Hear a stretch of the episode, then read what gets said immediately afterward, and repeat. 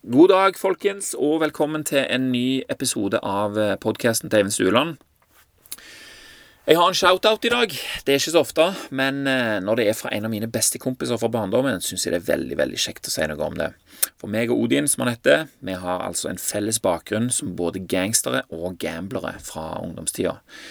For under oppveksten så var det altså poker, blackjack, kroneflipping, oddsen, spilleautomater og lignende som var en solid del av det som vi dreiv med en periode på ungdomsskolen.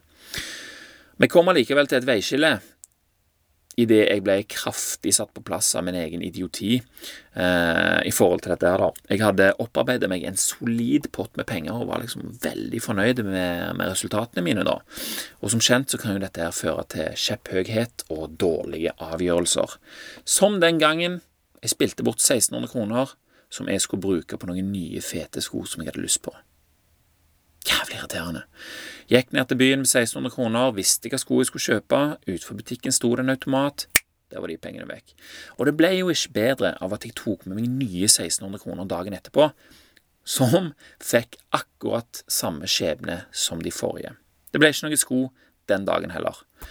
Så det vil si 3200 kroner rett ut vinduet, og det var altså en kraftig nok påminnelse til meg sjøl at den dagen bestemte jeg meg for å aldri spille mer. Jeg tror, jeg tror jeg var 15 år, eller kanskje 16.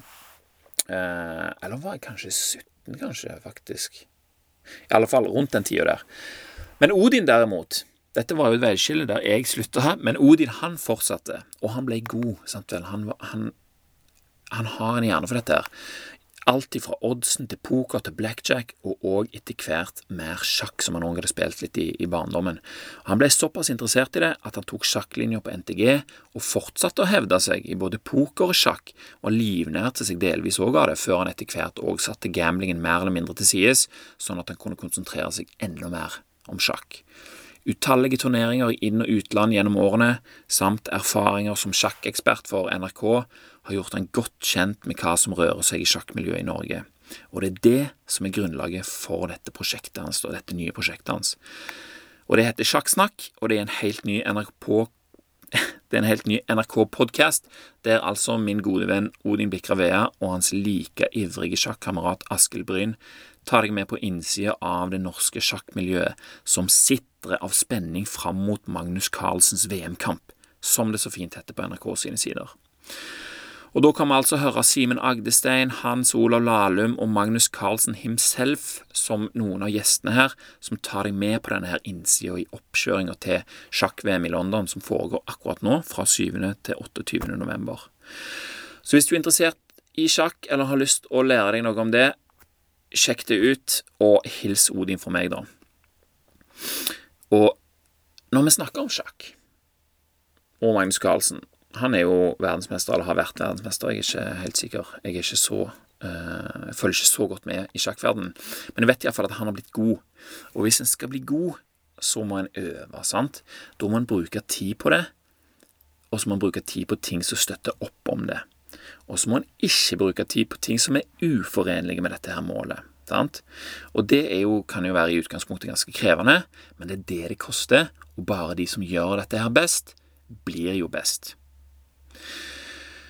Sant? Men det er jo ikke alle som vil bli best heller, da. Det er jo ikke alle som kan bli best heller. Men ofte så kan vi bli litt bedre enn oss sjøl, sånn som Hemingway sier. Og det, også, det kan òg være ganske vanskelig i begynnelsen. Men hvis du betaler prisen, så får du òg avkastningen. sant? Du kan ikke forvente avkastning uten å betale denne prisen her. Så nå skal vi snakke litt om, eh, om dette her, tenkte jeg.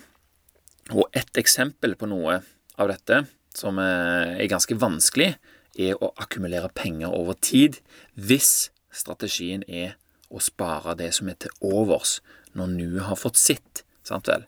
Magnus Carlsen han tenker ikke det at det, ja, jeg skal bli best, jeg, så eh, jeg skal ta og spille litt sjakk eh, når jeg har gjort alle de andre tingene mine. Jeg tipper at han prioriterer sjakk ganske høyt i forhold til mye annet for å bli så god som han blir, og det er dette dette handler om litt. Grann. Det er ganske merkelig greie, ser du, for det er lett å tenke at det skal bli noe igjen, men det dukker som regel opp gode grunner til at det ikke blir det likevel. Kan vi være enige om at det fins bedre måter å gjøre dette her på? En måte som krever mindre av deg, samtidig som resultatet blir bedre. Mindre krevende og mer resultat. Sånne løsninger fins i overraskende mange områder av livet vi lever. Sant? Men når du ser på det sånn mindre krevende og mer resultat, er du helt idiot, eller dette er jo sånn typisk for godt til å være sant-opplegg. Men det er fordi vi glemmer å ta med den innsatsen fra oss sjøl. Det er den som står for verdiøkningen. Verdiene i totalt sett, den sviver rundt eh, i livet ditt hele veien, den. Men innsatsen fra deg sjøl gjør at vi setter sammen disse verdiene her, som allerede er der, men som nå får en mulighet til å samkjøres og dras i samme retning. Og det er da vi kan samle opp avkastningen fra alle de små tingene i en stor pott. Er du med? Og Hvis vi da finner en sånn bedre måte å spare på, så kan det være at samme tankegangen kan brukes til å gjøre flere områder av livet vårt rikere med mindre innsats enn før. Og For å få dette til, så må vi som regel ta noe av det som vi kan oppleve som tap. Sant? Det er jo, det er jo på en måte tap, men det er jo bare fordi at vi opplever det som om at vi blir fratatt noe som vi liker å gjøre nå. Men vi må ta vekk den tingen som skal få plass til den andre. Og det vi får igjen når vi gjør dette her, i lengden, er jo nesten alltid verdt det. Og dette her er en av menneskets største utfordringer. altså uten et klart bilde av hva som skal skje, så er det ikke lett å ofre noe. Vi må forstå dette her ganske kraftig, og vi må forstå det mange ganger, eller vi må gjøre det mange ganger, nok til at du da ønsker å handle annerledes enn før. Sant vel? Hvis du skal bli god, så må du rett og slett gjøre det. Prioritere annerledes. Iallfall hvis du skal bli bedre enn det du er. Så la oss se litt på dette her, da. Altså, Når vi ønsker oss noe og planlegger en endring som skal gi oss utbytte over tid, så har vi en tendens til å legge denne oppgaven på toppen av alle de andre tingene som vi gjør. Sant? Sånn som med sparing. Vi bruker penger først på faste utgifter, sånn som husleie, forsikring, strøm, internett, bil og telefon og sånne ting. Og, og disse er jo ofte sånne hellige utgifter som ikke kan røres. sant? Gjerne så forsvinner de ut av kontoen uten at du får sjansen til å føle at du kan bruke det på noe annet. Um, og når de er ute, så kommer alt det andre som vi skal ha underveis da, fram til neste lønning. Mat, drivstoff, klær, snop, digg, vin, noe ekstra godt kanskje, noe vi unner oss eh, litt ekstra der, og selvfølgelig noe vi ikke har bruk for. Og så skal det spares av det som er igjen. Men overraskende nok så springer utgiftene løpsk i forhold til planen, og legger ikke igjen ei eneste krone til sparing. Ikke denne gangen heller. Ja ja, bedre lykke neste gang, tenker en ofte da. Neste måned er jo eh, desember og halv skatt og greier. Da blir det sikkert litt mer igjen, og muligheten for å hente inn noe av dette her gjør seg gjeldende. Men la meg si det sånn, det er en grunn til at det er halv skatt i desember. Det blir neppe noe igjen til sparing da heller. Plagsomt. Istedenfor penger på sparekontoen etter jul, så sitter vi igjen med trange bukser etter all juleribba, nye underbukser, sokker og hansker fra alle du kjenner, og en del andre ting, som ofte er de samme tingene som du har brukt dine penger på til å kjøpe til de som du har fått dine sokker. Du kjøper sokker til noen, du får noen sokker tilbake, osv., osv. Måned for måned så skjer det ting som passer dårlig med å la være å bruke penger. sant? I januar så kommer det flere faste, men likevel overraskende utgifter, som da sammen med den økte generelle standarden og, og, og de vanene vi har lagt på oss i løpet av jula, sørger for at det heller ikke på starten av året er noe igjen. Klarer vi å holde igjen litt likevel, så har det en tendens til å ryke måneden etterpå, februar. Da kommer det vinterferie, NRK-lisens og sånne ting. Så kommer mars, oi, kommunale avgifter, og så er det påskeferie. Og så kommer mai, du skjønner milde, med et knippe feriedager der fint vær som suger til seg sin del av kaka. Den måneden feriepenger og skattepenger kommer, er det kanskje den måneden i året der vi klarer å hente oss inn lite grann. Hm, men var det ikke ferien vi sparte til i utgangspunktet? Og er det ikke ferie vi skal bruke de ekstra pengene vi får i lønn denne måneden her på? Kanskje det går så langt som at du da må ty til kredittkortet i ferien, sånn at du kan bruke høsten på å hente deg inn igjen og være jour til jul? Fremdeles med null kroner på sparekontoen. Sånn kan det se ut. Dette var jo bare et, sånn et eksempel. Sant? Jeg sier ikke at du gjør det sånn, jeg. Men eh, noe lignende. Sånn så det iallfall ut for meg fra tid til annen. Og ettersom jeg hører rundt omkring, så ser det ut til at en eller annen slags lignende versjon av dette her utspiller seg for flere. Det er vanskelig å spare med denne metoden. Det er vel det som kort sagt er poenget mitt. Og noe av det samme kan utspille seg med en annen ressurs vi setter ganske høyt, vi som lever her på denne jorda. Tiden, sant? Det er, ikke, det er mye vi ikke får tid til vi skal stå opp, vi skal lage frokost, vi skal gjøre oss klar, vi skal komme oss av gårde, vi skal være på jobb, komme oss i butikken, komme oss hjem, lage middag, ha familietid, få unger i seng. Dette blir som de faste utgiftene, sant. Så resten av tida som er krydra med klesvask, rydding, støvsuging, kanskje litt sosiale medier, trening, nyheter og alle andre disse, alle disse andre Unnskyld. Mindre faste pliktene våre som da ender opp med å fylle dagen. Og når alt er gjort, eventuelt noe av det til i morgen, så kan vi synke ned ah, i sofaen og nyte underholdningen som dagens siste tidsutgift. Den vi unner oss, sant vel. Den er jo ikke nødvendig, men vi føler vi fortjener den. Den som er så digg at det er litt for lett å forsyne seg mer enn hva som er fornuftig. Så er det på'n igjen neste dag. Om igjen, samme greiene. Merkelig. Fikk ikke tid til å lese den boka jeg har tenkt å lese i 600 ganger. Fikk ikke tid til å begynne på den i dag heller. Verken den eller den jeg fikk til jul året etter. Og der ligger skriveboka som jeg kjøpte inn en dag jeg var optimist. Den òg ser jo helt ny ut. Han er jo faen meg ny. Han er helt urørt. Har ikke tid og har ikke råd. Samme ting, dag inn og dag ut, med et levende håp om at det plutselig kommer en dag med god råd og god tid. Sant? Dager blir fort til år, og jo lenger det går, desto skjørere blir dine koblinger i hjernen, og det blir vanskeligere og vanskeligere og samkjøre dine tanker og ambisjoner med handling. Sant? Det er faktisk gått så langt at det er dette her som er vanen. Kroppen er nå blitt vant med at de tankene dine ikke skal føre til noe handling. Etter årevis av dette her så er vi òg blitt gode på det. ganske drøyt. Altså, hvordan havner vi her? Det er en ganske spesiell situasjon. Du er vant med at dine ambisjoner ikke skal ta deg noe sted. Boka og blyanten ligger der, og den, der den alltid ligger, og kontoen er tom før lønn, sånn som den alltid er. Seneca, han kan jo dette her, i alle fall i teorien. Han kunne skrive det ned og fortelle andre om hva som var måter å gjøre ting på. Det er jo ikke sikkert han var like flink sjøl, og da tenker jeg litt på meg sjøl òg. Jeg forteller jo ofte om måter og ting som jeg er gode på. Hvis Seneca har skrevet noe og jeg har lest, tenker jeg wow, dette må jeg snakke om. Men det er ikke alltid jeg klarer så godt å gjøre det jeg har tenkt, eller å tenke det jeg har forstått, jeg heller. Men uansett så kan vi ikke la være. Vi må jo se da på hva Seneca sier her, og kan, kan man kanskje bruke dette her til å få oss ut av denne ufrivillige runddansen. Er du ikke skamfull over at du reserverer, at du reserverer for deg sjøl kun restene av ditt liv?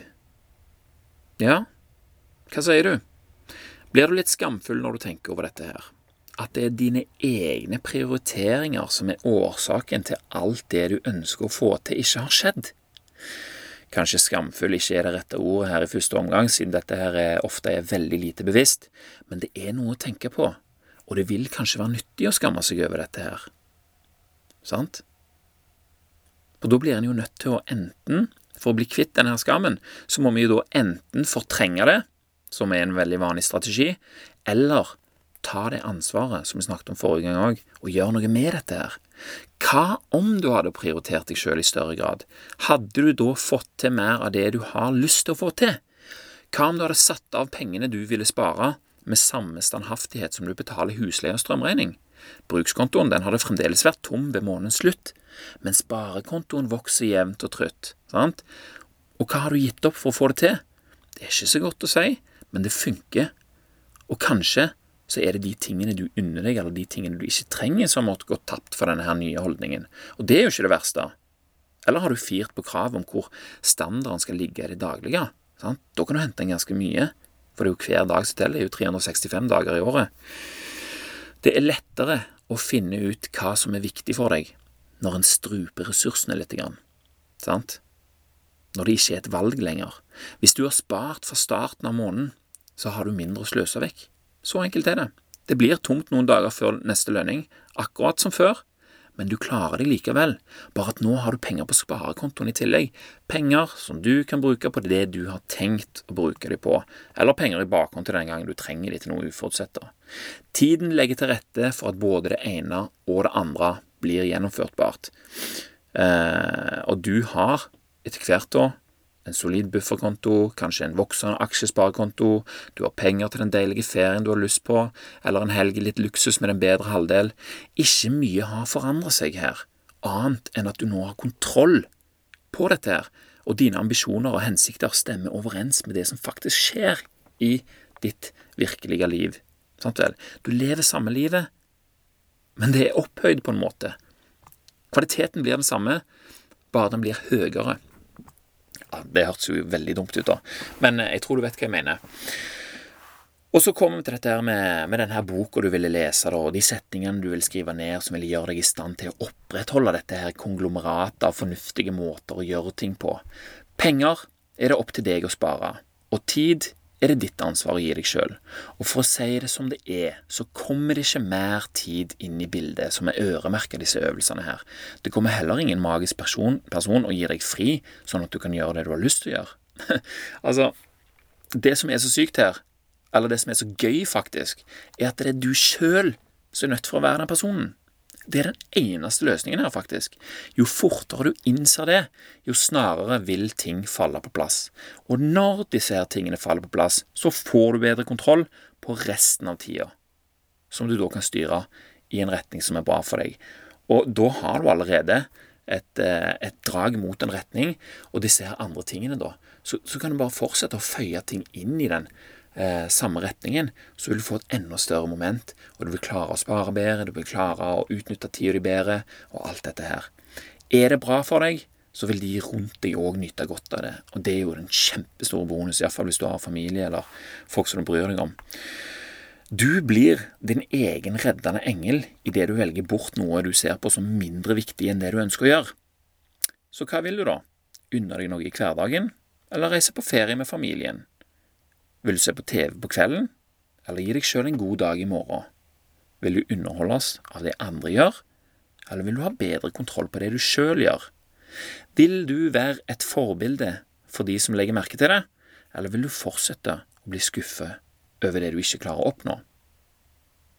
Vil du være fornøyd over det du får til, og det du klarer å gi de rundt deg, eller vil du, som Seneca sier, skamme deg over at du gir tiden din vekk til helt andre ting, mindre viktige ting, og kun tar til takke med restene, om det i det hele tatt er noe igjen.